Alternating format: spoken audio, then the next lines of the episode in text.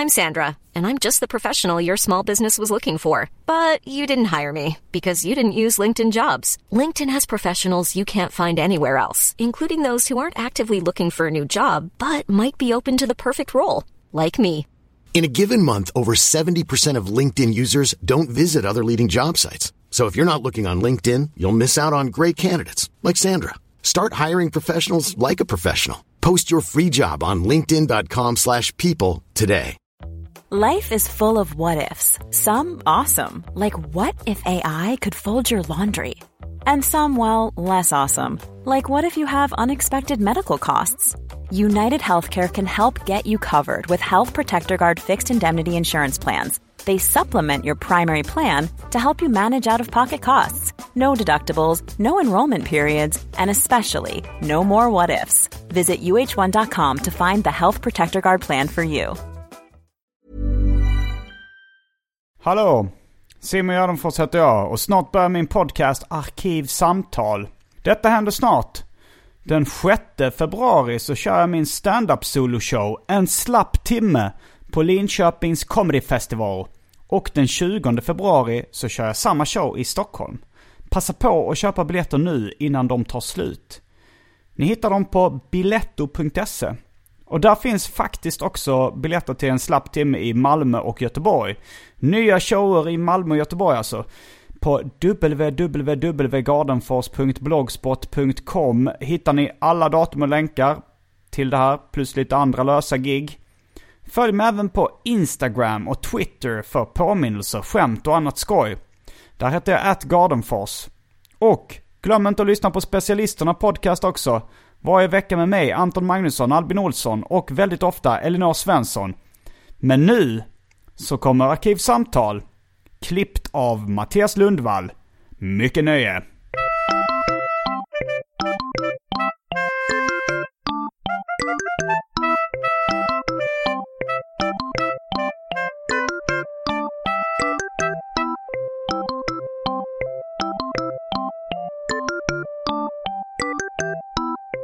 Är ganska eh, inne på vänsterpolitik. Jag tycker eh, man ska ge kommunismen en chans. Tycker du? Ja, Ge mig alla dina pengar då Simon. Man måste ju, man måste ju klä sig efter eh, vädret också. Jag menar, nu lever vi i det här samhället och det kan jag inte bara ignorera. Det finns inga jag känner som bryr sig så mycket om pengar och vill tjäna så mycket pengar som alla mina vänner som kallar sig socialister och eller kommunister. Ja, ser du? Besatta av pengar är ni. Det är därför ni blir kommunister. Ni är avundsjuka. Det är det det bygger på. Det är därifrån kommunism kommer. Det kan- Avund. Det kanske där, så du skulle göra för att tjäna lite mer pengar. Vad? Ansluta dig till kommunismen. Ja, det hade nog varit eh, det enklaste sättet som kulturverkare att få pengar i Sverige. Det är väl att, att påstå att man är feminist, arbetarrörelse, antirasist och sen åka runt med ABF-föreläsningar för 5000 styck fyra gånger om dagen runt hela Sverige. Det är väl så du har tjänat dina smutsiga blodspengar, eller hur Simon Gärdenfors? Ja, delvis. Det är ju en, en liten droppe i havet. av det jag kallar min privatekonomi. Okej. Men vad då ABF-föreläsningar på riktigt? Har, jag har knuffat in några ABS-föreläsningar faktiskt. Så det lönar sig att lägga sig och suga på arbetarrörelsens smutsiga tutte? Eh, det gör jag så gärna. Den mjölk som kommer ut stavas pengar. Har du fått något eh, förstahandskontrakt vid eh, eh, Sveavägen, eh, Odengatan? Nej, är det någon som har fått det Margot Wallström. ah, via ABF? Via Kommunal. Eh, samt en massa kommunalpampar som tydligen också har fått feta kontrakter med låg hyra och bra utsikt. Hej och välkomna till Arkivsamtal. Jag heter Simon Gärdenfors och mitt emot mig sitter eh, Aron Flam. Välkommen hit. Tack så mycket Simon. Du har bara överkropp. Ja, alltid. Det är bara Har- 20 minus ute. Jag förstår inte ens varför du har tröja. Du sitter ju inomhus för fan. Ja, men jag gillar när det är varmt. Det känns som man är på semester. Jag brukar, jag brukar nästan mack, alltid maxa värmen och istället gå runt i, ja men ibland bara överkropp. Men, Ja men det, det, det är därför jag sitter i bara överkropp. Det är ju för att jag var ju klädd för minus 20. Alltså för att vara i en frys. Och sen så kom jag in i din lägenhet och det är så jävla skönt här. mm, tack. Ja, men jag har också alltså raggsockor, termo, långkals, ter, heter det så? Termobyxor. Alltså, Ja, men så här, jag har långkalsonger som är så speciella, supervarma. Och kalsonger i samma material. Samt då fleecetröja och någon sorts varm jävla skidskjorta. Eh, så eh, jag kan ta på mig skidskjortan om det besvärar dig med min oerhört sexiga bara nej, överkropp. jag, eh, jag har inga problem med din kropp. Den är ganska lik min. Mycket hår Mm, och sådär. Och du, härdad. ja, och det ser ändå ut som att du har tagit okej hand om den. Alltså du är inte tjock.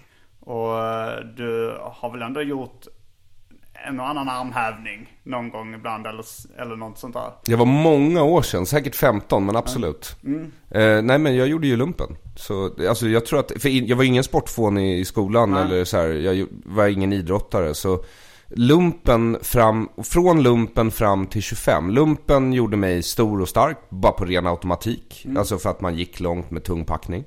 Eh, och sen så fortsatte jag väl träna tills jag var typ 25-26. Vad tränar du då? Ja, då var det gym, eh, boxning och lite krav maga typ. Men, det är ju roligt. Ja. ja, men det är väl en sån här, äh, jag var retad på skolgården grej Mm. och träna. Plus att det är, det är inte lagsport och det är inga bollar. Det blir ju, jag är inte bra på sånt. Jag har ingen bollsinne och jag... Nej, inte jag heller. Eh, Men nej, du är nog nästan ännu hårigare än vad jag är på, eh, på vissa ställen i alla fall. Mm, låter Du sin... ansar inte någonting förutom eh, skägget och håret uppe på... eh, Det skulle ju ta all min tid som du ser. ja, det Mm. kanske skulle göra. Time is money. Jag har inte tid att raka bort det här håret. Men Nej. det är det du gör istället för ABF-kurser så... Har du kvar din blindtarm? Jag har kvar min blindtarm. Mm, jag med. Jag känner att eh, it's dragging me down. It's slowing me down alltså. Jag funderar på om jag bara ska ta bort den på Pinchi. Ja, bara för att, uh, alltså ungefär som vissa cyklister gör, att de tar bort allting onödigt. Ja, precis. som väger någonting. Ja, men blindtarmen behöver man bara göra så jag med en gång. Det här håret skulle jag stå varje morgon i duschen och, och kämpa mot. Det är Ja, klart. om Det du är inte lasrar bort det eller någonting. vare sig, eh, jag har inte tid tycker jag och Mm. jag prioriterar inte och de pengarna jag misstänker att det kostar Mm. eh, lägger jag hellre på annat faktiskt. Mm. Mm. Jag förstår. Vi, förra gången du var här så har för mig vi, vi snackade om uh, Michel Houellebecq. Ja, du Eh, uttalar det så. Den franska skandalförfattaren. Ja, och din favoritförfattare fick jag Ja, det är på. min favoritförfattare. Och uh, Men får jag uttala det Olbeck? Houellebecq. Ja. Eller måste jag uttala det sådär? O-U-L Beck? Houellebecq. O-L? Nej men du, du får säga vad du vill. Okej. Jag har hört någon som sa det ska uttalas Houellebecq. Och då, då, Och då hakade du på ja, det? på. Helt okritiskt bara, okej, nu kör vi. Ja, men det kändes som en pålitlig källa. Mm. Det var på... Var det Michel Olbeck? Nej det var det inte. Jag, jag har nog inte hört honom eh, säga det. Jag knappt, jag såg ett foto av honom eh, nyligen där han såg väldigt skojig ut. Om ni bildgooglar Michel Houellebecq så, eh, så en av de första träffarna han ser så jävla härjad ut. Alltså det ser nästan fåfängt ut att han har nästan så här, Ja, det är som att han gottar sig i sin fulhet nästan. Ja, man, jag får lite Göran Greider-vibbar. Det är lite Fast det här. smal. Ja, fast smal. Eh, jag tänker att både Göran Greider och uh, Michel Houellebecq är nästan lite fåfänga. Att de vill så gärna visa att de skiter i sitt utseende. Att det ger ett fåfängt intryck. Titta vad, vad, vad jag skiter i det här. Men det är som Slavoj Zizek är ju också så. Det är så här, jag är en intellektuell gigant. Jag vet inte vem det är. eh, The Pervert's Guide to Ideology. Han är filosof. Jag känner, den titeln känner jag till lite. Men, Ja, eh, nej men han är filosof och, och eh, intellektuell Mm. och, tror jag, check. Mm. Eh, och går runt på bruten engelska, ful och fet och petar sig i ansiktet när han pratar och så här spottar lite när han pratar hela tiden. Väldigt Mm. charmigt eh, uttryck liksom. Inte, inte så attraktivt men det, det är någonting, man dras in liksom, det är en karaktär. Det är så mycket fulhet liksom. eh, Men jag tycker ju både han och Olbeck är att föredra framför vår gode Greider. Jag har, jag har faktiskt aldrig läst något eh, som Greider har skrivit. Förutom kanske någon metrokrönika. Ja men, jag, nej, men det, jag läser hans ledare och, och, och krönikor. Mm. Men det är väl en stor del av hans livsverk. Det är det ju säkert. Men jag menar om nu eh, Houellebecq är min favoritförfattare i hela världen så är det ju svårt att, att mäta sig. Men är det, är det inte, jag för mig du sa, jag, jag lyssnade på det i någon annan podcast. kan ha varit podcasten Vem är jag? Då, eh, då du, de frågade dig vad du hade för idoler. Och den första du nämnde var Michelle Houellebecq. Då klippte Jocke mig illa måste jag säga. Ah, alltså du nämnde ju några namn annars också. Kanske Doug Stanhope också Ja. sa du. Som jag kollade, eller det är fler och fler som har rekommenderat Doug Stanhope och som liksom en självbiografisk eh, eh, provokatör. Så det lät verkligen som att det skulle vara något som hade fallit mig i smaken. Men när jag såg hans special som fanns på, mm, finns på Netflix så tyckte jag inte det var så jättekul. Du ska inte se hans specials. Du ska lyssna på hans plattor. Okej. Du ska bara veta hur han ser ut och sen lyssna på materialet. Uh, var, blir det tråkigare om man får se ha- hans Det, alltså, bilförsäljarkostym? ja, nej men det, det blir, det, han är lite, jag har märkt det när jag försöker introducera folk till honom, att man börjar med ljud. Man visar en bild och sen så börjar man med ljud. Därför att eh, Eh, det är lite off-putting att se honom. Eh, men sen när man har lyssnat igenom plattorna, då, då har man inga problem med att se, dem, se honom. Eh, för då har du lärt känna honom på ett annat sätt tror jag. Det, är, det här är verkligen en fråga om form versus innehåll. Alltså innehållet är så pass viktigt här att det är lyssna som gäller liksom. För det blir lätt så att man stör sig på hans uppenbarelse. Det är ju antagligen där. Han har ju en, han är ju lite komikernas komiker och har en trogen publik men han har ju aldrig blivit bred. Både Nej. på grund av innehållet men det hade nog gått lättare för honom att sälja det om han var lite charmigare liksom. Så kan det vara. Men det, det, jag har ju också bara sett en, eh, en timme med honom. Det saker, så- alltså första gången så Louis CK fattade jag inte grejen med honom heller. Då tyckte jag så ah, då var väl okej liksom. Jag tycker ju fortfarande han är lite en urvattnad Dog Stanhope på scen. Ja, Det är hans tv-serie jag gillar mest faktiskt. Ja, jag tycker nog, eller jag tycker båda grejerna är okej. Men, men de flesta grejerna som jag gillar väldigt mycket tyckte jag inte var speciellt bra första gångerna jag såg, läste eller hörde det. Det krävdes ett tag att komma in i det liksom. Ja men så här, både ja, men The Wire och Seinfeld och Kirby Enthusiasm och saker som är mina favorit-tv-serier. Tog väldigt lång tid innan jag vande mig och blev ett fan överhuvudtaget. Och sen så blev det mina favoriter. Men, eh, men det kanske är någonting med det, med det lite svårpenetrerade om vi ska använda det uttrycket igen. Ja, men- som, som gör att det blir, när man väl eh, är fast så sitter det hårdare. Jag, jag tycker absolut att det är det. Uh, Arrested tog mig ett tag att komma in i. Det är Ja, samma sak ja. där. Och, men... Firma Ruffel och Bygg. Eh, som det heter på svenska. Men Ja, det- det... det har jag fortfarande inte. Det, jag har sett nästan två säsonger. Första och kanske andra också. Jag fastnar aldrig för det. Och, men är det, måste man se ännu mer för... för Du måste nog se alla tre första säsongerna. Många Cirka finns? 17 gånger. Oj. Hur många finns det? Eh, det finns tre. Okej. Och sen finns den fjärde som Netflix har låtit göra. Ja, den där de uh, ur fyra olika perspektiv eller? Eh, ja. Ja, ja, ja, fler tror jag faktiskt att det är. Eh, den tycker jag också är jätte, jättebra. Bojack Horseman är också en sån här serie som det tar ett tag att komma in i. Eh, komikmässigt. Därför att man tror att man tittar på en dålig Family Guy. Med bara så här klipp till referenshumor. Men sen efter fjärde avsnittet så inser man att alla de här referenserna är storylines.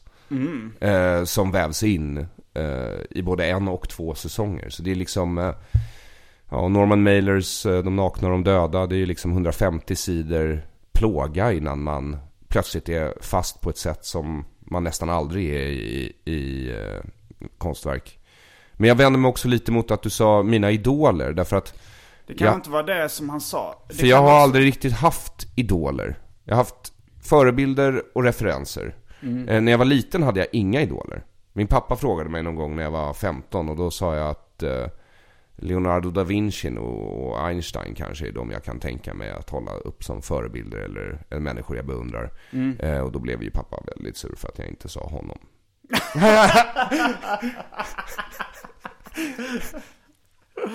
Han bara, men, Jag förstår varför du går i... men gå fram till vilken 15-årig pojke som helst bara, vilken är din favoritnationalekonom? Ja, nej, nej, Nej. så är det ju. Men, men det, det är inte det som är det, det konstiga är ju inte, det är inte du som är det konstiga här. Det är din Nej. pappa som, att han blev arg som Ja. var det konstiga. Eh, nej men du, du har säkert mycket att prata med din terapeut om. Eller Analytiker. psykolog? Analytiker. Jag kan inte skillnaden på alla de där grejerna. Han rättade mig så mycket varje gång jag sa terapeut eller psykolog eller psykiater. Så till slut så satte det sig. Ana- Okej. Han är analytiker och han gillar att kallas för det. Eh, Men är det sådana saker du, du pratar om, dina föräldrar eh, och hur de, hur de gjorde dig till den människan du är idag? Nej, alltså jag vill ju inte det. Jag har känt en viss press att jag borde det i min analys. Men eh, det var faktiskt bara några, några veckor sedan som vi kom fram till att eh, eh, det där kommer med andra saker man berättar. Det dyker upp längs med vägen, små stickspår liksom. Eh, men jag är inte en speciellt sentimental person. Jag tänker inte så mycket på minnen Man- som jag har upplevt av den enkla anledningen att jag inte tror på dem. Du tror inte på minnena. Nej, jag tror inte att de är korrekta. Du tror att du minns fel. Jag tror att jag minns det från mitt perspektiv i den stunden. Ja, ja. Och sen, eller jag upplever det från mitt perspektiv i den stunden. Och sen när jag minns det så minns man det alltid lite annorlunda baserat på erfarenhet, vad man letar efter, hur man har utvecklats, vad det är som väcker minnet till liv. Eh, Så jag, jag har en väldigt skeptisk inställning till min, e- mitt eget upplevelseminne. Eh, Textminnet och bildminnet eh, litar jag på betydligt mer. För då kan man ju kolla upp det man minns. Om man minns rätt. Om det är en textrad eller vad det skulle vara. Jo, så är det ju. Men, det, men, det kan, men man får ju ändå utgå från det som man tror har hänt eller? Alltså till exempel om du nu, om din pappa blir arg för dig för att du inte sa att han var din största idol. Eh, så tänker man, okej det låter ju lite som drag av narcissistisk personlighetsstörning. Skulle kunna vara. Som, eh, som det känns som, man kan kanske hitta vissa drag av hos dig också. Här och där ibland. Ja, jo absolut. Men att lägga all skuld på pappa vore Nej, fel. Min, min mamma har också ett finger med i spelet. Men man kanske, eh, det, jo, det tror jag säkert. Men då kan man ju säkert tänka så att okej, eh, de här dragen har jag fått därifrån. Och är det någonting jag, eh, jag känner att jag vill jobba med? Nej, kanske inte. Men, men det kanske, jag vet inte. Om, om, den, om man nu vill jobba med sina eh, viss, vissa drag i sin personlighet så kanske det är bra att fatta var det kommer ifrån. Alltså jag är egentligen bara ute efter att förstå. Eh, Eh, förändring sker ju av sig självt liksom.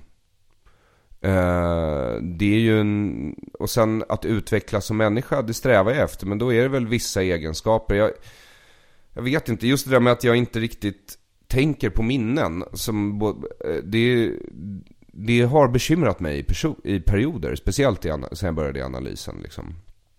Eh, är inte det analys handlar om? Att, att prata om minnen? Analys handlar om att förstå sig själv, tror jag, väldigt mycket. Och eh, för de allra flesta betyder det minnen. Eh, Men inte för dig? Men jag, alltså jag, när jag var liten brukade jag så här, se världen väldigt eh, enkelspårigt. Men, men eh, dela in människor i typ så här, ja men människor som är sentimentala och tänker mycket på minnen.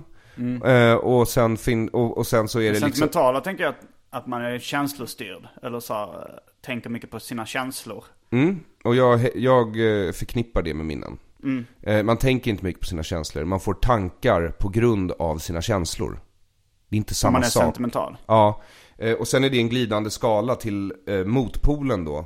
Eh, som är dagdrömmare. Eller var det i mitt huvud när jag var ett litet barn. Jag är en dagdrömmare från början.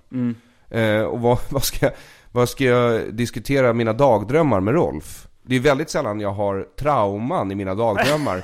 eh, alltså, därför att mina dagdrömmar handlade om att fly den verklighet jag levde i. Och där i mina dagdrömmar gick det ju faktiskt oförskämt bra för mig måste jag säga. Där lyckades jag med nästan allt eh, jag föresatte mig. Slåss mot ninjor, inga problem. Eh, alltså jag var ju rätt liten. Men eh, så det var ju en, liksom en begränsad begreppsvärld. Det var mycket ninjor. överlag. Var du inte själv eh, ninja i dina fantasier? Jo, Ninja Boy med jude. Jag hade ju en, Ja, kippa, en kippa som var en kaststjärna också. Ja, det Ja, var ungefär det som... som... en liten version av Oddjobs hatt i Goldfinger. Jag tyckte du skulle klä ut dig till den på Peter Bristolfs maskerad. När Ja. man skulle hitta på superhjältar. Men det gjorde du aldrig. Nej, och jag hoppas faktiskt lite att Petter Bristav aldrig har en maskerad igen. En, en normal fest vore trevligt. Ja, jag tycker det är ganska kul med... med det- blir ju lite extra ansträngning. I och för sig det har ju både sina för och nackdelar. Man själv måste anstränga sig. Ja, Men eh, jag tyckte det var roligt. Ja. Um, Vad, vad klädde du ut dig till istället för Ninja Jew? Ingenting. Ingenting. Du körde gamla klassikern, jag har klätt ut mig till mig själv. Japp. Mm. Det gör jag ju varje dag. Ja, det gör väl alla. Ja. Så, eh, men vi skulle ju egentligen snacka om Michel Houellebecqs bok. Den senaste boken, Underkastelse. Ja, jag läste den på engelska. Heter men... den Underkastelse på svenska? Jag bara, fan med den nu. Vad, vad Du läste den också på engelska? Nej, jag läste den på svenska. Okej, eh, jag vet inte. Submission på engelska, det är ju un- ja, underkastelse. Nu läste jag den här i höstas, men jag Mm. tycker ändå att jag har ett okej minne av den. Och sen så skickade jag en artikel eh, till dig där Mm. Knausgård recenserar Olbeck. Ja, Och i New York Times dessutom. Ja, fett eller hur? Jag, jag funderar på det, är, är Knausgård stor i USA? Tydligen. Men de tänkte kanske så här, Europa. Då låter vi en europé översätta det. Jo men det och finns kanske- ju jättemånga europeer. Det finns det. Men, men jag, alltså de, de två europeer eh, som jag på min karta, litterära karta har fastnat de senaste 15 åren är nog Knausgård och Houellebecq. Sen finns det säkert massa Låter andra. rimligt, ja. Sen finns det säkert massa andra författare som jag har missat. För att det inte är min genre eller... Ja, och sen så i USA är det väl eh, Jonathan Franzen som verkar vara liksom en, det heta namnet i, bland de nya författarna liksom. Ja, jag har faktiskt inte läst honom. Jag har Nej, jag bara heller. läst hans översättning av Karl Kraus. Mm. Samt fotnötterna, som jag uppskattade mycket. Böjer man det fotnötter? Jag vet, fotnoter? Fotnoter skulle jag nog säga. Eh, men Fotnoterna, ja men det låter betydligt Karl bättre. Kraus vet jag knappt vem det är. Nej, han var eh, en antisemitisk jude i 1800, slutet av 1800, fin, fin de siècle, som man uttalar det. Alltså, Eh, eh, förra, se- sekelskiftet. ja, förra sekelskiftet. Okej, förra. Alltså 1800-1900-tal och Mm. eh, han var, eh, han var satiriker helt enkelt. Mm, var, han, var han bara självhatande eller var han liksom verkligen... Nej, han var andra hatande. Han hatade allt väldigt mycket. Mer annat än sig självt verkade det som. Han var dessutom rentier. Alltså han växte upp utan att någonsin behöva jobba. Så han kunde liksom finansiera sin egen satirtidning. Eh, där han var redaktör och ensam skribent. Eh, och, Satir, eh, skämtpressen som var eh, den tidens podcasts i viss mån. Alla hade en. nej men exa- eh, ja, han hade en i alla fall. Och eh, alla läste honom. Eh, Även om han var väldigt, väldigt illa omtyckt och skandalomsusad. Träffade, brukade, dejtade en eh, radda unga snygga skådespelerskor. han var någon Marcus Birro typ då eller? Nej, han var mer en Aron Flam-typ skulle jag säga. Som alla läser. eh, Okej, det är väl överdrift. Men, men, eh, men han lästes av eh, de som räknades på den tiden. Kafka och Walter Benjamin och sådana människor. Eh, Om jag inte säger fel nu. Eh, och eh, så, så låg han i ständig fejd med den stora kvällsblaskan, motsvarande kanske Aftonbladet, eh, i eh, Österrike-Ungern på den tiden. Och eh, hamnade i förtalsrättegångar där de stämde honom och han stämde dem och sådär. Och nej, han brukade säga att det enda han hatade mer än judar var antisemiter. Men det här var ju innan Hitler, så antisemit var inte lika laddat. Du kunde Nej. liksom slänga ur dig det. Som Ja, en det, det skön är ungefär grej. som i, det idag i Sverige när folk säger så här, amerikaner är dumma i huvudet. Och så är det ingen som blir speciellt upprörd. Nej, nej, precis. Exakt så. Därför att det är med allra största sannolikhet precis lika sant som att människor är det. Ja, eller, eller det beror på vad man jämför. Människor är ju smartare än många andra djur. Ja, absolut. Jag vet inte riktigt var, varför man skulle då säga att människor är dumma i huvudet. Eh, men... eh, Nej men det, vad, vilken organism ska människorna jämföra sig med för att känna sig dumma, tycker du? Ja, nej, men vi får väl... eh, Gud, det är väl det vi har använt fram tills för 50-60 år sedan. Ja, Men eh, det, det, är- det är ju mest dumma människor som eh, tror att Gud finns. Korrekt, så är, så är det. Men det fanns en tid då även smarta människor trodde det. Ja, och idag så tror... Det finns väl några få smarta som tror på Gud, skulle jag, jag märkt. Absolut, ja. Därför att de kanske mår bättre av det. Och sen Ja. så kanske man, deras definition av Gud inte är... Nej, det, de klämmer in det med skohorn. Ja, På något eller sätt. bara säger att eh, Gud är energi och bla bla. Ja. Och allt är energi så det går väl... I alla fall, så Knausgård skrev en recension av Olbeck i New York Times. Ja. Eh, och eh, ja, det var några veckor sedan jag läste den här recensionen. Mm. Du läste den igår. Ja, eller förrgår. Ja. Och jag har ju inte läst Knausgård. Nej, jag har läst första eh, första Min Kamp. Eh, för jag, liksom, jag upptäckte självbiografiskt ärligt berättande på 90-talet. När det var en, en stor trend inom tecknade serier. Ja, du är ju själv en självbiografisk. Serietecknare. Ja. Ja. och det var ju inspirerat av eh, Joe Matt kanske framförallt. Men även svenskar som Mats Jonsson och Mm. eh, Robert Crumb och Harvey Pekar eh, gjorde det i USA. Och Kanada. Uh, Kanada kommer Joe Matt för, från och Seth och många andra liksom självbiografer. Nordamerika och Sverige är liksom ganska bra på det skulle jag säga. Eh, så att jag var, var ett stort fan av det. Och, men sen, sen när Knausgård eh, började med det, då blev det lite mainstream. Alltså då, slog, då började vardagssvenskan älska uh, självbiografiskt ärligt Så berättande. du tyckte inte det var så bra? Nej. Vad skönt att höra. jag tyckte det var för pretentiöst. Att ha- han, han försöker vara för poetisk och för, uh, för känslosam. Alltså Får det, jag ropa gay med hög röst nu? Okej. Gay! Nej men han, uh, jag är mer större fan av uh, rakt på sak. Mm, jag Rätt också. i nyllet. Strunta i att börja, alltså när han skulle börja om sin döda far så liksom började han eh, tio sidor prata om likmaskarna som rörde sig genom liksom på ett poetiskt, lite pretentiöst sätt. Nästan som om att han fortfarande var en tonåring som skrev. Ganska mycket sa jag. Mhm. Eh, och jag. Och jag som då var van vid Joe Matt som bara, ah, det här hände. Mm. Så, så, eh, Deal with it. ja, eh, och det, det är så jävla mycket roligare. Man kommer snabbare fram, det blir starkare eh, slag i ansiktet. man lindar inte in det. Nej, just det. Så, så jag tyckte, jag läste bara första, jag, jag fick nästan till och med kämpa mig igenom första volymen. Jag skulle kunna tänka mig att hade jag läst alla volymerna så hade jag säkert fastnat efter ett tag. För att när man lär känna någon så blir man ju ändå lite så här känslomässigt investerad. Och då hade jag väl brytt mig mer och kanske stått ut med de, eh, de pretentiösa och gymnasiala poetiska inslagen i det. Men i alla fall, det var en rätt bra recension Knausgård skrev av eh, senaste O.L. Beck-boken. Absolut. Alltså, det roliga är att Knausgård i den där recensionen, första tredjedelen, då sätter han ord på någonting jag ofta har känt. Och som är anledningen också till varför jag inte läst Knausgård heller. Och det är den här professionella avunden. Man hör att någon är så fruktansvärt bra.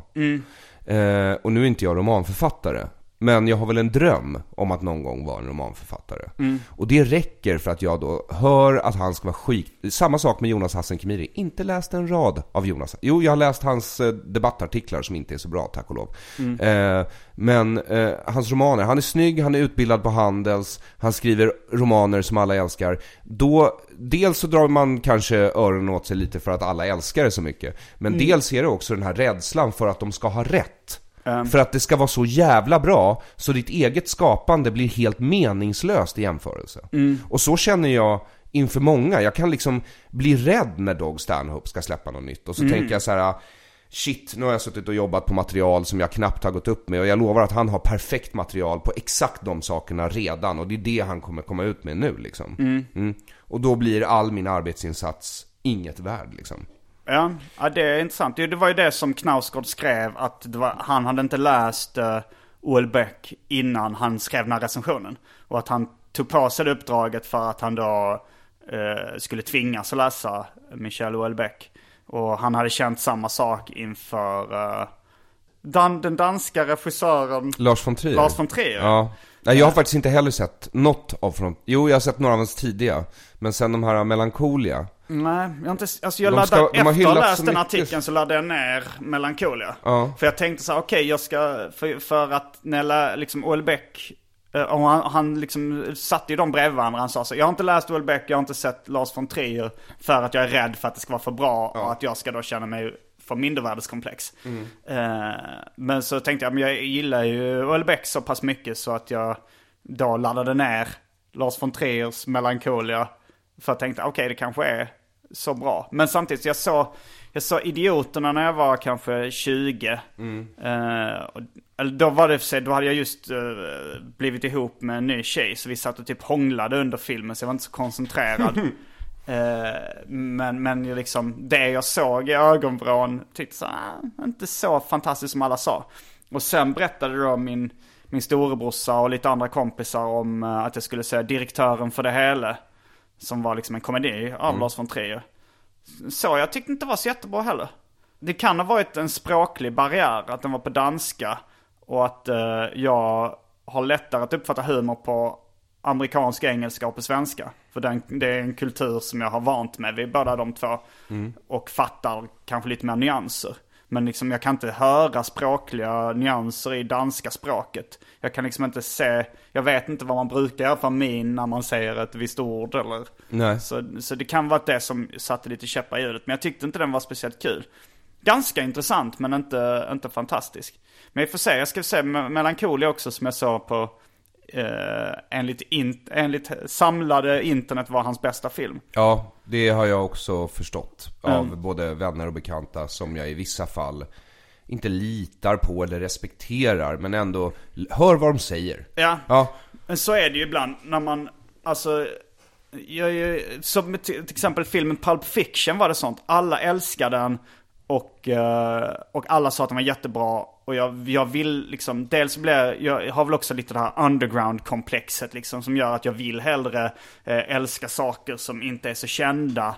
Men när jag väl såg Pulp Fiction tyckte jag den var jättebra. Men sen kom den här Spirited Away som var ungefär samma sak. Att fler och fler sa du måste se den. Du kommer att älska den. Och jag kände på mig att jag inte skulle göra det. Och när jag väl såg den, jag hatade den. Tyckte den var skitdålig, ful, tråkig, meningslös. Eh, så, men, men, det var det, men då kom jag också på att det var de flesta som rekommenderade den till mig var nog folk jag inte respekterade. Att, eh, Ja, jag såg den, jag tyckte den var okej. Mm. Den har inte berört mig speciellt mycket, jag har inte tänkt på den sedan dess. Den eh, kommer vare sig in på min topplista eller min bottenlista. men, Eh, men Pulp Fiction är väl på topplistan skulle jag tro. ja men den gillade jag också. Plus att både du och jag var väl i den åldern att eh, albumet blev ju en bästsäljare. Alltså den spelades ju, Soundtracket, ja. Spelades ju dygnet runt, säkert ett år. Absolut. Och där började jag känna lite avsmak efter ett tag. När, när jag såg folk i min klass som jag föraktade som dansade och älskade den. Liksom. Dansade till den. Ja, jag var orolig inför Pulp Fiction minns jag, för jag hade sett Reservoir Dogs tidigt. Var en av de som fick tag på den, kände mig lite cool och tyckte att den var asbra. Och nu skulle han plötsligt gå på bio i Sverige och då var jag så här, mm, när jag var 15-16 eller vad kan jag ha varit, något sånt. Ja. Jag gillar den rätt mycket, hans filmer, på grund av den babbliga tonen. Att de pratade om saker som inte förde handlingen framåt. Det känns Precis. som lite nytt grepp. som Ja, inte- cool dialog. Det var ju hans gåva lite. Eh, som också förstörde då den här senaste western han gjorde, Hateful Eight. Aha, ja, den har jag inte sett. Jewelry isn't a gift you give just once. It's a way to remind your loved one of a beautiful moment every time they see it. Blue Nile can help you find the gift that says how you feel and says it beautifully with expert guidance and a wide assortment of jewelry of the highest quality at the best price. Go to BlueNile.com and experience the convenience of shopping Blue Nile, the original online jeweler since 1999. That's BlueNile.com to find the perfect jewelry gift for any occasion. BlueNile.com. One size fits all seems like a good idea for clothes until you try them on. Same goes for healthcare. That's why United Healthcare offers flexible, budget friendly coverage for medical, vision, dental, and more. Learn more at uh1.com. Since 2013, Bombas has donated over 100 million socks, underwear, and t-shirts to those facing homelessness. If we counted those on air, this ad would last over 1,157 days. But if we counted the time it takes to make a donation possible, it would take just a few clicks. Because every time you make a purchase, Bombas donates an item to someone who needs it. Go to bombas.com slash ACAST and use code ACAST for 20% off your first purchase. That's bombas.com slash ACAST, code ACAST. Men när började du läsa Welbeck då? Massa år sedan, när elementarpartikeln eller elementarpartiklarna, jag blandar allt. Jag Ja, vet, det är det senare. ja, elementarpartiklarna, Ja. pluralis. Ja. Ja. Eh, när den kom ut på svenska läste jag den. Mm. Eh, på min mors rekommendation, vilket jag alltid brukar eh, läsa för att sen kunna göra ner dem på shabbesmiddag. eh, men i det här fallet så fastnade jag totalt. Jag tyckte den var superbra, tyckte jag att den var. Det var många tankar jag själv hade delat. Eh, om eh, sexdriftens skadliga inverkan på människor och hur man skulle kunna komma från den. Vad den enda lösningen är. Eh, och så den föll mig verkligen i smaken. Sen läste jag Plattform. Mm, när den kom. Det var den första jag läste av honom. Är det så? Ja. Jag tyckte den var bra, men jag tyckte elementarpartiklarna var bättre. Och så har jag känt för varenda bok sedan dess. Att, de, att det blev bättre och bättre. Nej, att jag tycker elementarpartiklarna... Ja, det, men det är väl eh, den som eh, anses vara bäst. ja den som de tyvärr flesta- så är jag väl lite konventionell här, men ja, jag anser att den är bäst. Jag gillar nästan bäst uh, Refug, tror jag. Alltså den som handlar om en stand-up-komiker och, eh, och någon form av raeliter. Har du läst den? Nej, jag tror faktiskt inte jag har det, men du kanske kan låna den till mig. Ja, om jag, om jag har den. Det kan vara så att den var slutsåld på Adlibris så att jag lånade den på biblioteket. Så var det med någon av hans böcker, kommer jag ihåg. Eh, Vore ju typiskt om det var den bästa. ja, så är det, kan det ju vara. Men jag vill att du behandlar mig som en tjej du vill bli av med på morgonen. Och säger så här, här, ta en bok, gå. De uh, Läs, tjejer var dejtar fri. gillar inte att läsa böcker. Jag respekterar dig mer och mer.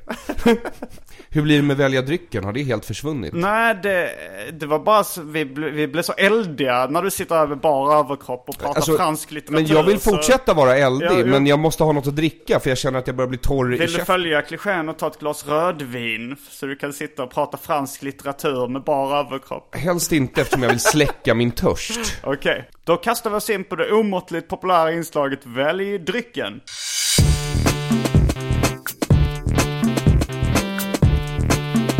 Börjar med det fasta inslaget Välj drycken!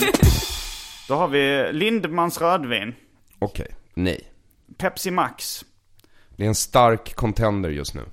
Brämhults lemonad, Superstark contender. Husets mjöd, vit mjöd, naturlig mjöd, Ingen av dessa. Dry Martini, Volt Cola, Fritz Cola, Dr Pepper och för tråkmånsar och nejsägare, vatten. Så jag vill ju ha Brämhults, men vad är Volt? Det är en kopia av Jolt Cola. Du får ta två drycker, det kan jag säga. Du får ta hur många du vill.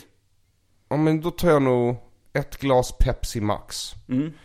Och en Dry Martini. Ja, det låter bra. Jag tar eh, bara en Dry Martini. Eftersom jag just drack Pepsi Max innan du kom. Snyggt. Då är vi strax tillbaks med dryckerna kända från det omåttligt populära inslaget Välj drycken. Häng med!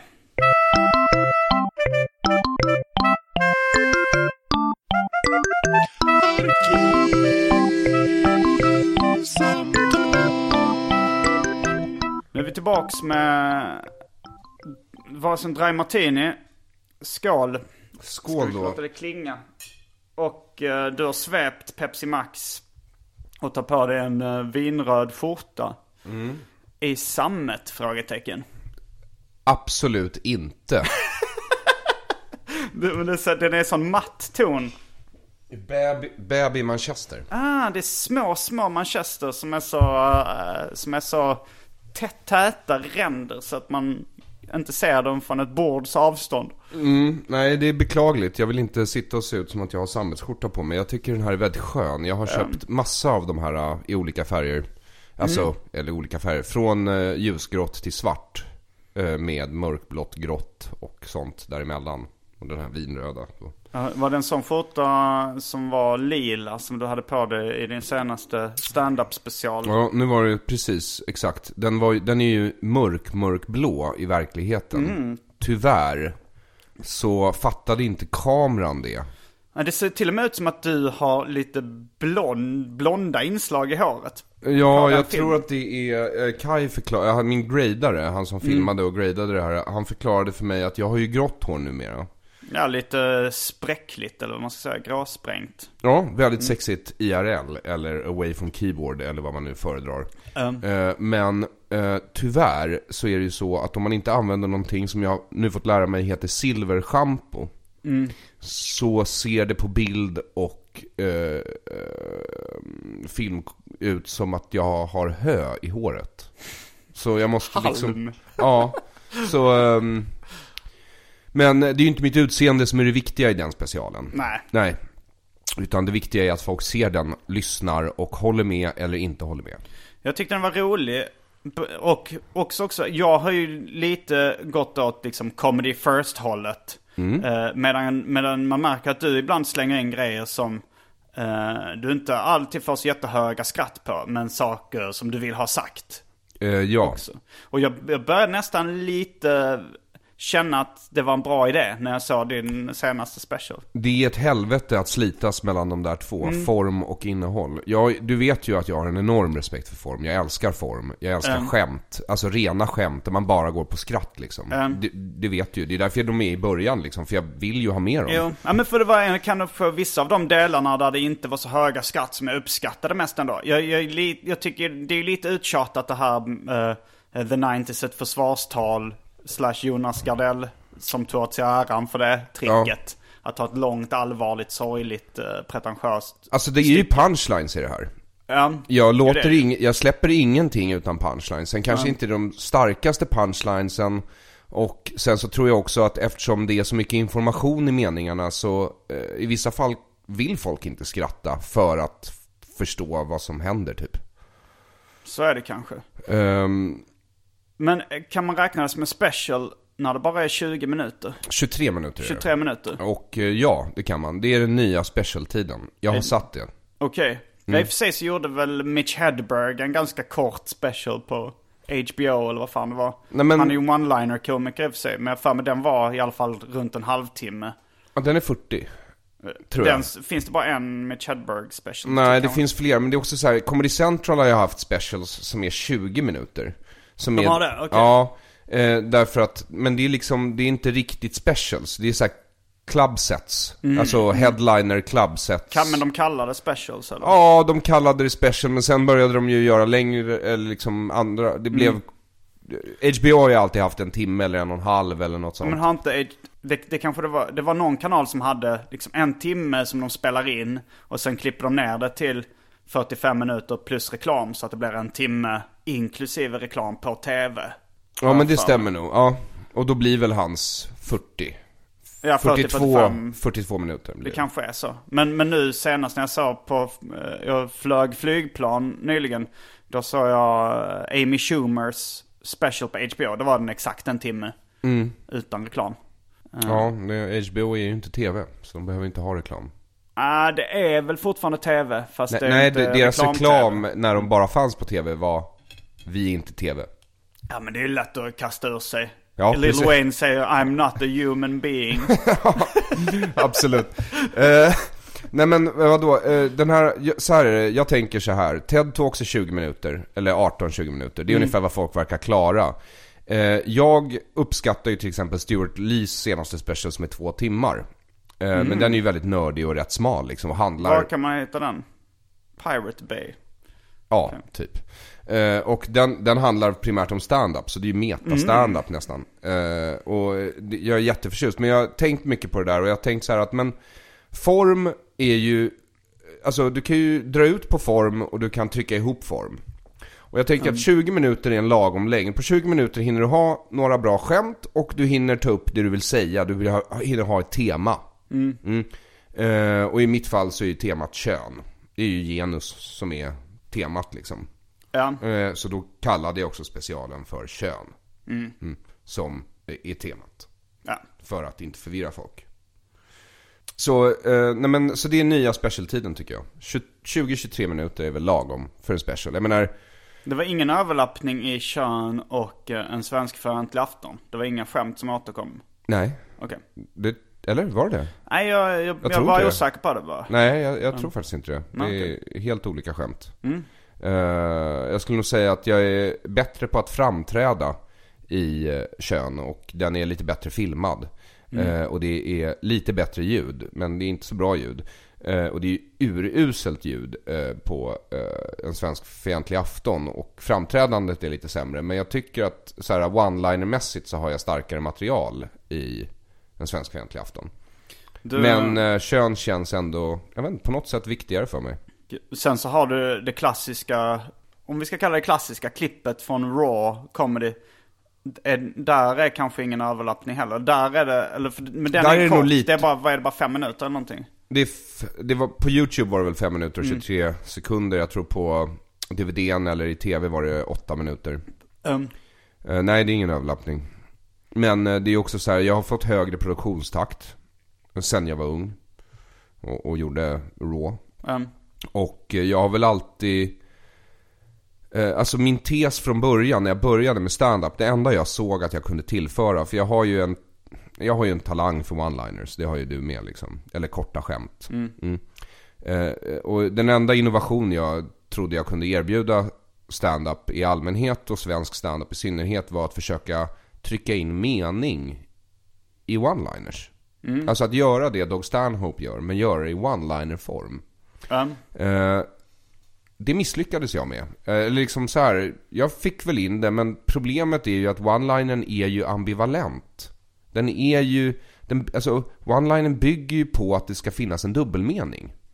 Mm, det är ofta så. Ja, så då kan man liksom inte riktigt, då får man liksom kompensera det man säger i en one-liner genom att skriva en annan one-liner under och så får man stapla dem på varandra, lite Daniel Toshigt sådär. Ja. Men samtidigt försöka hålla en röd tråd och inte bara gå efter skrattet som Tosh gör.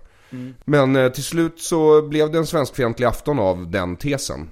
Och eh, jag tycker väl att jag lyckades ibland men inte hela vägen. Och även om jag hade, i, på, i de instanser då jag lyckades hela vägen så känner jag att Ja, det var ett intressant konstnärligt experiment. Eh, men det gjorde inte nödvändigtvis vare sig one-liner-formen eller mening och innehållstypen av stand-up bättre. Alltså, de är separata av en anledning. Och jag slits däremellan. Mm. När jag började göra stand-up så gjorde jag mest one-liners. Eh, eller korta skämt. Men, och det funkade inte så jättebra. Men sen så när jag började bara sätta lite, lite klister emellan dem. Så att det lät som en sammanhängande berättelse. Så gick allting mycket bättre. Jag, jag har ju haft perioder och ofta när jag går upp och kör ett korta klubbset då skiter ju jag i att försöka väva ihop det till en berättelse eller låtsas som att det skulle vara någonting annat än bara skämt. Jag går ju upp och bara läser skämten och ser vilka som fastnar. Ja, Förr eller senare i min process så kommer jag fram till vad jag vill säga i nästa föreställning eller vad det ska vara. Eh, och då skriver jag det och sen så försöker jag göra det så roligt som möjligt och sen försöker jag passa in alla de här one-linersna och skämten jag har skrivit antingen i min introduktion av mig själv eller se om de går ihop med materialet. För ofta är det så att jag går, det, det går och mognar fram någonting man vill säga. Och många av de one-liners som spontant, man kommer på spontant, de har med det att göra. Utan att man liksom ser det tydligt då. Eh, utan det ser du först när du liksom skrivit färdigt tesen. Ja. Och då för jag ihop dem liksom. Ja. Ja, men, men har du, för jag själv har ingen, eh, jag vill bara vara rolig egentligen. Det kanske är så att man kan säkert hitta eh, vissa teman eller budskap, jag, kan, jag vet inte om jag ska säga budskap, men vissa liksom tankar och sånt. Det är många som har kommenterat så, ah, men du, du pratar mycket om din mamma i din standup liksom. Och det gör jag, men jag, min tanken är nästan alltid bara, jag vill vara rolig. Jag, jag vill, jag vill eh, göra skämt. Jo men det kommer ju från dig. Det är ju som med, med absurdistiska komiker. Att liksom ibland så är meningen med det de vill säga ligger i handlingen. Så en absurdist, han visar ju att språket är bullshit genom att göra språket till bullshit. Förstår du vad jag menar? Han visar att universum är absurt genom att vara absurd. Så det finns ju ett värde i det också, givetvis. Men det finns ju ett värde i att bara vara rolig också. Ett, Ja, det är nej, nästan jag- det största värdet tycker jag. Nej, alltså du, du känner mig. Ro, Mm. roligt är vad vi gör. Jo. Ja, eh, är det inte roligt så är det inte stand-up. Nej, Nej. men du verkar också vara ganska eh, mån om att ha ett budskap och få fram det budskapet. Ja, det är eh, Därför att eh, de, alltså jag, jag, jag drömmer om att gå upp på scen eh, som du gör och bara vara rolig och kunna vara det. Utan att gå av scenen och känna mig smutsig och äcklig. Eh, nej nej, alltså det, jag, jag, jag har full respekt för eh, liksom bara roligt. David Ja, Tells jag bara tyckte senaste... det var roligt att du skulle känna dig smutsig och Ja men jag äcklig. gör, jag gör det, det är ju en personlig grej med mig, men jag känner att jag liksom har försuttit mitt ansvar eller någonting som liksom eh, inte går. Och sen är det ofta så att de saker jag väljer att säga, de budskap jag vill ha, är ofta saker som man inte får säga. Um, Så de har ju med humor att göra på det sättet. och i och för sig där, där känner jag igen mig. För att alltså jag älskar ju provokation och ibland så, så tummar jag på skrattet för att, för att göra folk ledsna och upprörda. Precis. För att jag tycker det är roligt, jag tycker själv det är roligt att gå upp och säga någonting som är så fruktansvärt att, att uh, ibland är det ingen som skrattar. Och ibland är det väldigt få som skrattar. Och då så, då så säljer jag ju skrattet som jag sa innan var det viktigaste. Bara, Mm. Alltså att jag föredrar hellre att säga någonting vidrigt. men uh, men uh, det är en annan sak än budskap skulle jag säga. Nej, jag vet inte. Det är ju, det är ju en vilja att beröra. Mm, och när du vill förmedla någon... Jag vet inte riktigt varför jag vill det. Det är bara något som alltid har funnits inom mig att jag vill göra folk eh, ledsna, besvikna och äcklade. Ja, och i den handlingen så säger ju du någonting. Ja, Eh, Du kanske. har inte kanske velat analysera vad det är. Nej. Men du säger ju någonting med den handlingen. Jo, jo det, det är ju, man, jag har väl liksom tänkt på det lite grann. Liksom, det, är ju, det är ju på något sätt en, en besvikelse och ilska över världen och samhället och Sverige. Och därför vill jag skada. Ja men typ så här, världen, ni tror att ni är så bra och goda och fina. men lyssna på det här då. Mm. Ja, ta det här. Så här ser jag världen. Eh, Ja. Vilket för oss tillbaks till Olbeck. ja, Eller varför inte? Jo, jag menar, det- är ingen klockren segway, men... Nej men vi har ju lite på något sätt lovat att prata om Michel Ja. Houellebecqs senaste bok. Så det kan vi ju göra då. Ja, det kan nu- vi väl göra. Nu, om vi nu, om har du förberett någonting? Jag har ju läst både boken och uh, recensionen av Knausgård. Men du har liksom inte förberett en liten text som Nej du kan... det har jag inte gjort. Så då kanske vi ska berätta vad den handlar om. Vill du eh, berätta vad den handlar om? Så som jag uppfattar det, Mm. så handlar det om en eh, universitetslektor, professor i eh, litteratur eller filosofi, Litteratur? ja, som eh, ehm, lever i en nära framtid i Paris. Mm. Och 2013 eller? Nej, oj nu sa jag. en, en, Nära framtid. 2023 kanske. något Ja, men något sånt. Eh, och eh, det islamistiska partiet eh, är jättestort. Det finns, eller det finns ett muslimskt parti i Frankrike. Socialisterna håller på att tappa greppet. Eh, och det är en enorm högerpopulism. Så eh, franska liksom eh, högerpopulistiska partiet Front National eh, går jättebra och riskerar att vinna presidentvalet. Och då blir socialisterna så panikslagna så de slår ihop sig med muslimska partiet och blir ett stödparti åt dem och så islamiseras Frankrike. Så det blir en islamsk stat. Precis. Och där, eh, det är väl kanske Det är alltså, det är boken. den paranoida eh, Nästan två konspirationsteorin. tredjedelar av boken. Alltså det, det är ganska mycket inför. Det Ja. här att de pratar att vad kommer hända ifall det här, ifall det muslimska brödraskapet som partiet heter vinner.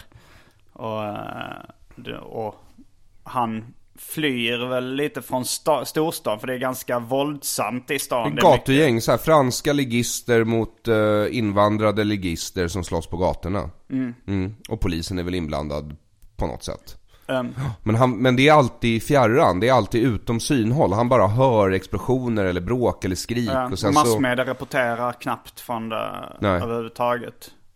Och Michel Houellebecq, han är en provokatör i Frankrike och ganska, och brukar eh, inte stå på den här eh, eh, fina åsikter slash vänstersidan utan tvärtom. Så de flesta hade nog förväntat sig att han skulle basha islam. Eh, men han gör, gör en lite oväntad, eller beroende på hur man ser det väntad eftersom man alltid vill vara kär inom strömmen, vändning och då när det blir en, ett islamiserat samhälle så tycker han att det här är ganska bra. Kanske lite bättre än vad det var innan. Eh, ja, lite, nog- lite så. Det här är ju liksom den...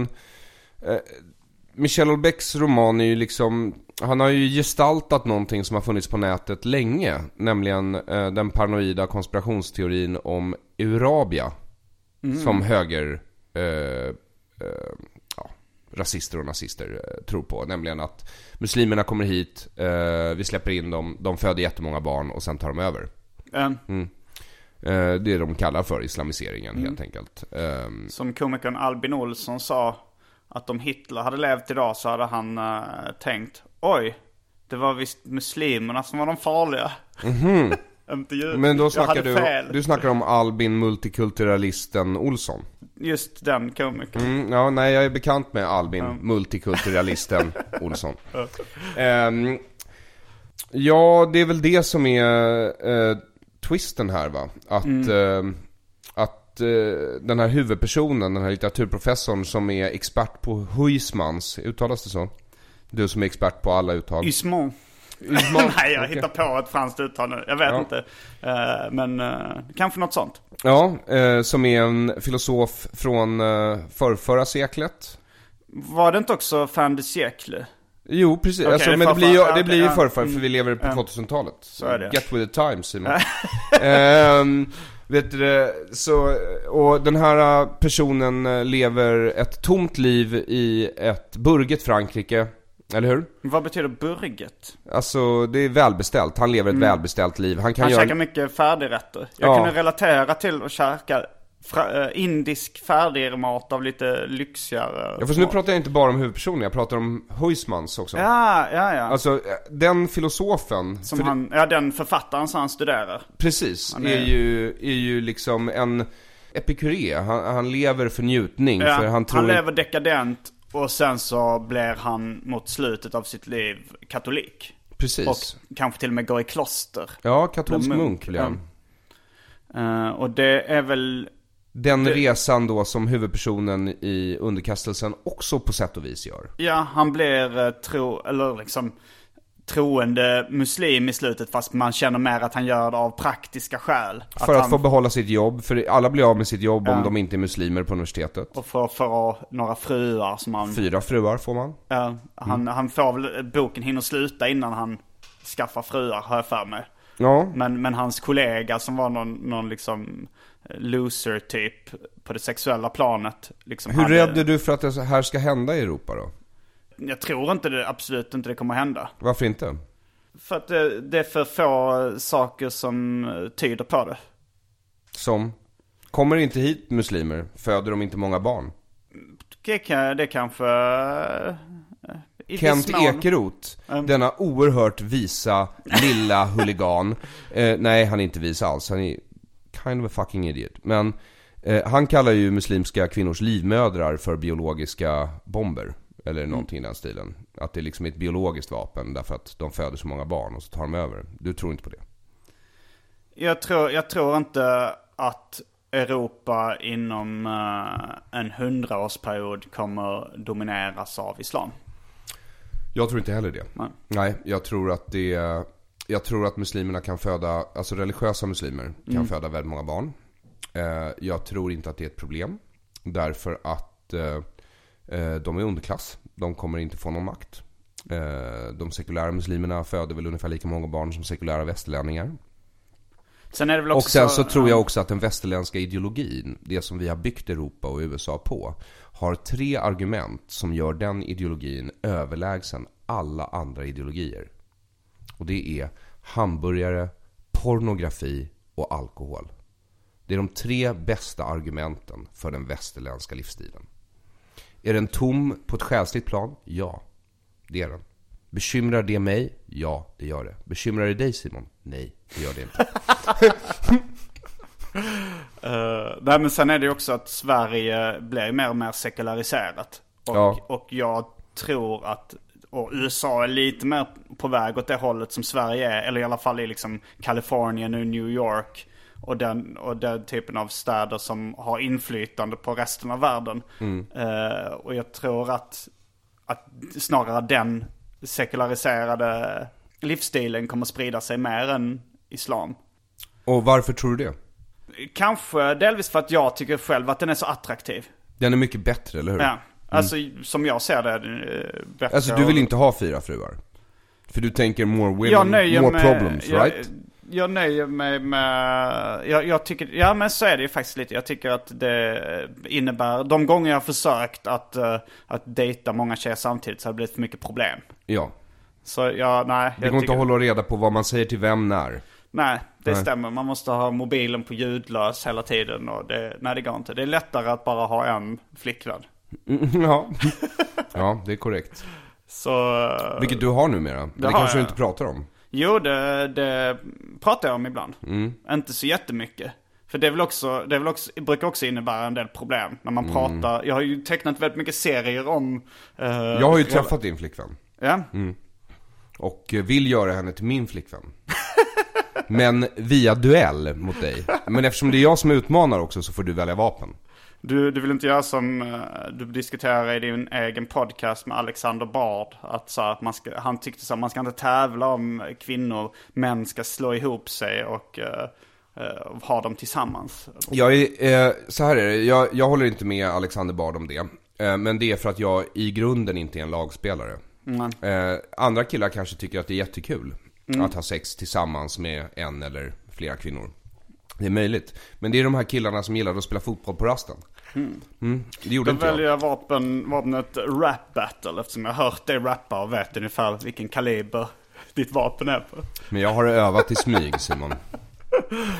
Mm, nej men, ehm, var var vi någonstans? Eh, att kom, finns det en eh, chans slash risk att Europa blir ett eh, islamskt samhälle? Ja, nej risken bedömer vi alltså båda vara rätt Låg. liten. Ja. Sen så är frågan då eh, ifall det nu, det är den frågan som Michel Houellebecq ställer sig i boken.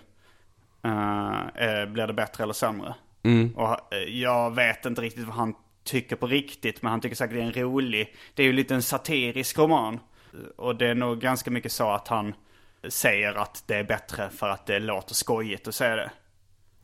Men det är Eh, också, det är också ja. en provokation i sig för att han för att han gillar ju väldigt mycket att provocera eh, vänstern och eh, feminister och antirasister. Och liksom... Det är ju han, de roligaste att provocera. Ja det är det ju, för det är de känsligaste. De som blir mest arga och rödast i ansiktet. Även om jag eh, lutar nog mer mycket mer åt det hållet än vad du gör. Ja, ja nej, men de, de eh, har ju ingen humor. Eh, Men det är ju rätt roligt också att, att själv ha de åsikterna som jag har och provocera samma grupp som man själv tillhör. Ja, det är väldigt roligt. Um. eh, faktiskt. Men det är också en av anledningarna till att jag gillar dig så mycket. Eh. Mm. du växer på mig Simon Gärdenfors.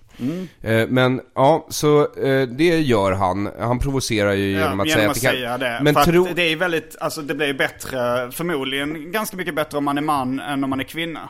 Ungefär som hans tidigare bok eh, Plattform där han talar sig ganska varm om ett samhälle där eh, rika västerlänningar, eh, han tycker det är jättebra att de köper sex av fattiga folk i Sydostasien. Mm. Det är väl också så här, i, som samhället ser ut så funkar det, så är det nog ganska bättre fördel att vara man i ett sånt samhälle då. På samma sätt som det är Det fördel beror att vara man i... Om man gillar att vara försörjd och inte behöva arbeta, vilket de här fruarna i det framtida muslimska Frankrike som Michel Houellebecq målar upp i sin roman Underkastelsen. Um, märkte du vad jag gjorde där? Bara fortsatte. Mm. Ja, nej men så, så då är det väl ett helt okej liv. Om man inte vill göra egen karriär och sådär. Och det finns ju massa, alltså det är ju massa press. Alltså, för jag tycker mig skönja i den kritiken som han lägger fram, det är ju inte en kritik primärt mot islam. Det är en kritik mot vårt samhälle och hur andefattigt det är och hur det saknar djup och mening. Och jag tror att Michel Houellebecq kanske inte tror på djup och mening, men han tror att människor i allmänhet behöver djup och mening. Någon, nå- ett andligt element. Och det alltså, den det kritiken han riktar mot eh, hamburgare, pornografi och alkohol, det är ju att det fyller inte alla ens behov. Nej, eh, har, vi har inte riktigt eh, tagit in underhållning i den här, eh, i de här behovstrappan eller vad jag ska kalla den. För jag- jag Underhållning är en liksom- sak tycker jag. Alltså kultur och underhållning fyller nog det andliga behovet för mig. Alltså Ja. om jag kollar på en stand-up show eller läser en roman. Eller som nu liksom vi sitter och diskuterar romaner i en podcast. Eller, eller nej men, läser serier. Det fyller det behovet för mig. Så jag, beh- jag behöver inte andlighet. På Nej, sättet. men tror du det gäller alla? Därför att du Nej. är ju en kulturkonsument av stora mått. Ja, det kanske man kan säga. Och det finns ju väldigt många människor som konsumerar väldigt lite kultur och absolut väldigt lite finkultur som kanske ger dig en känsla av mening och inte bara förströelse. Jo, men är, då tror jag nästan att... Jag tror det är ett bättre alternativ än andlighet. För att andlighet, då måste man nästan kasta sin intelligens ut med soporna. Men är det inte det som krävs för tro? För det är ju vad är tro är. Tro är ju ett leap of faith. Det är ju att inte veta, men att överlämna sig själv ändå. Alltså jag är inte troende Nej. personligen. Jag diskuterar det bara eh, som en utomstående som är rätt intresserad av fenomenet. Ja. Skälet till att människor tror, det är ju att vi inte vet. Ja. Vi kan inte veta allt. Så det måste alltid fyllas i med antaganden eller föreställningar eller idéer eller ideologier eller vad det nu kan vara. Mm. Och religion har ju eh, tidigare i västvärlden och fortfarande i stora delar av världen fyllt det behovet. Ja. Det är vad det är till för. Men nu finns det underhållning med djup. Det behöver vi kanske inte längre. Det, det, det är bara, det börjar vi liksom... Det är, det är ingenting jag tänkt igenom den här åsikten. Utan det, det var någonting som kom Men upp i jag har väl stunden. inte tänkt allt för mycket heller. Jag Nej. disku, vi Nej, diskuterar jag, ju. nej men det är det som jag tänker att man kanske, nu kanske man kan skippa förljugen andlighet som jag tycker att all andlighet är. För det, det, det är ju väldigt sällan det bygger på logik och Så är det, det kan inte bygga på logik. Det är ju det område som logiken inte kommer åt. Ah. Förstår du vad jag menar? ja. Det är lite som kärlek. Det, alltså man brukar ju säga om religion att det är socialt accepterat vansinne. Mm. Och jag håller med om det. Det tycker jag om kärlek också. Det är också socialt accepterat vansinne. Det ser man så fort två personer inte är attraherade av varandra, men en av dem är attraherad av den andra. För då är det ju besatthet. Jo. Nej Eh, men Michel Houellebecq, ska vi Ja. försöka Vi bara... försöker styra tillbaks samtalet på Ja, honom. så Huismans, han lever ett tomt liv. Mm. Fullt av sinnliga nöjen. Alltså han försöker liksom tillfredsställa sina smaklökar, sina könsdelar, eh, sina ögon, sin känsel och sin hjärna med förströelser av olika slag. Men till slut så räcker inte det här för honom och han går i kloster. Mm. Huvudpersonen i eh, Submission, alltså underkastelse, som är expert på Huismans, han genomgår en liknande resa kan man säga. Eh, eller nästan tvärtom, därför att han börjar ju nästan som en munk. Han har ju få riktiga förbindelser och relationer. Hans liv är rätt tomt. Det består av mikromiddagar. Och, och det enda han introducerade sig för i sitt liv, som man kan säga med säkerhet, det är ju Eh, den här eh, Huismans som han har blivit expert på. Det gjorde han egentligen bara under sin avhandling. Sen dess har han bara tragglat sig igenom de här föreläsningarna han måste hålla på universitetet och kurserna. Mm. han har nästan ingen kontakt med sina föräldrar överhuvudtaget. De dör i romanen. Han verkar inte känna någonting för det. Jag känner viss, vissa släktskap med, med både Huismans och, och François, eller vad han hette i underkastelse. Det här nu att jag mindre och mindre kontakt med mina föräldrar. Äter i stort sett bara färdigrätter. Eh, men, men också, men vad jag tänkte på att i slutet att han, att uh, Husmont, eller vad jag väljer att uttala det. Men han verkar ju inte bara välja, för att huvudpersonen i underkastelse verkar ju välja islam på grund av sina ytliga drifter.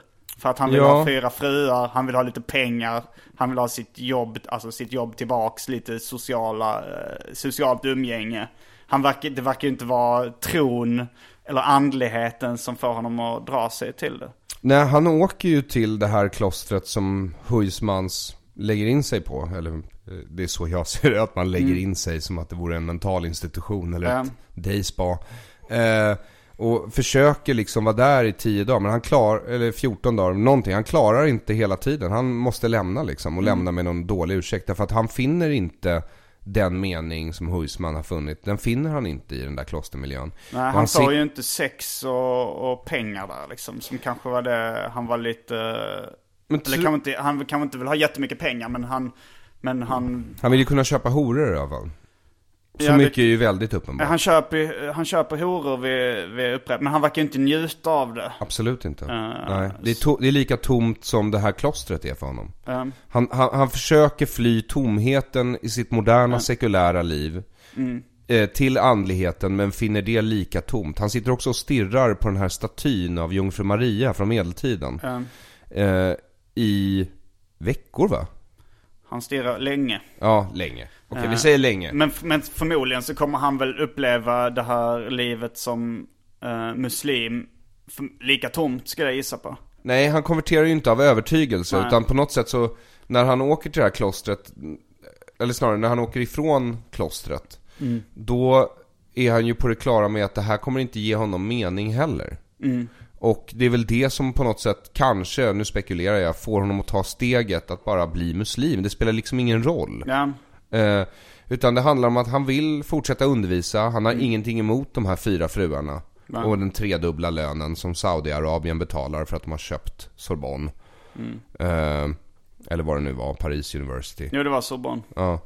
Och sen så uppgår han bara i det där. Ja. Men utan någon egentlig övertygelse. Och då blir ju det lika tomt som det samhälle han beskriver. Det samhälle han satiriserar i underkastelse är ju det samhälle vi lever i idag. Ja. Och det jo, finns- det blir lika tomt på ett själsligt plan, men det är säkert lite skönare rent praktiskt. Alltså så här, även om du, om du lever ett ganska avslappnat liv idag med, med hamburgare, pornografi och vad var det tredje? Alkohol. Det kanske är tomt själsligt, men det är mycket lättare än att vara en, en tiggare som hänger utanför ICA Maxi och fryser hela tiden. Även om du inte får någon själsligt ut av det så är det ju mycket lättare att bara leva det här tomma livet. Så jag tror det var det han var ute efter. Det här så här, ja men nu får jag de här fyra fruarna och, och, och kan nu fortsätta undervisa. Så det är lite lättare även rent praktiskt. Även om det kanske är lika tomt själsligt. Ja, nej, jag håller med. Och med de orden så avslutar vi veckans avsnitt av Arkivsamtal. Jag heter Simon Gärdenfors. Eh, ja, jag heter Aron Flam. Får man marknadsföra någonting? Du får gärna marknadsföra. Jag tycker det är spännande att du eh, har skippat anglicismen plugga. Och säga marknadsföra istället. Låt oss vara ärliga. Det Ja, är vad det är. Det är Eller det. hur? Plugga Jag, på svenska betyder att studera. korrekt. Jag heter Aron Flam. Jag finns på Twitter, jag finns på Facebook, jag finns på Instagram och LinkedIn. Hooka mig gärna på LinkedIn. Jag hänger mycket på LinkedIn. Fredagkvällar på LinkedIn är det bästa jag vet. Jag har just... uttalar det, LinkedIn. Jag har just släppt en special på YouTube som är 23 minuter lång, vilket Simon tycker är för kort. Ehm, Jag har numera, utöver TS Knas, en egen podcast som heter Dekonstruktiv kritik. Där jag i första avsnittet intervjuar Alexander Bard och i andra avsnittet intervjuar en anonym egyptier. Lyssna gärna. Jag finns eh, också på sociala medier. Att Gardenfors heter jag där. Fullbordat samtal.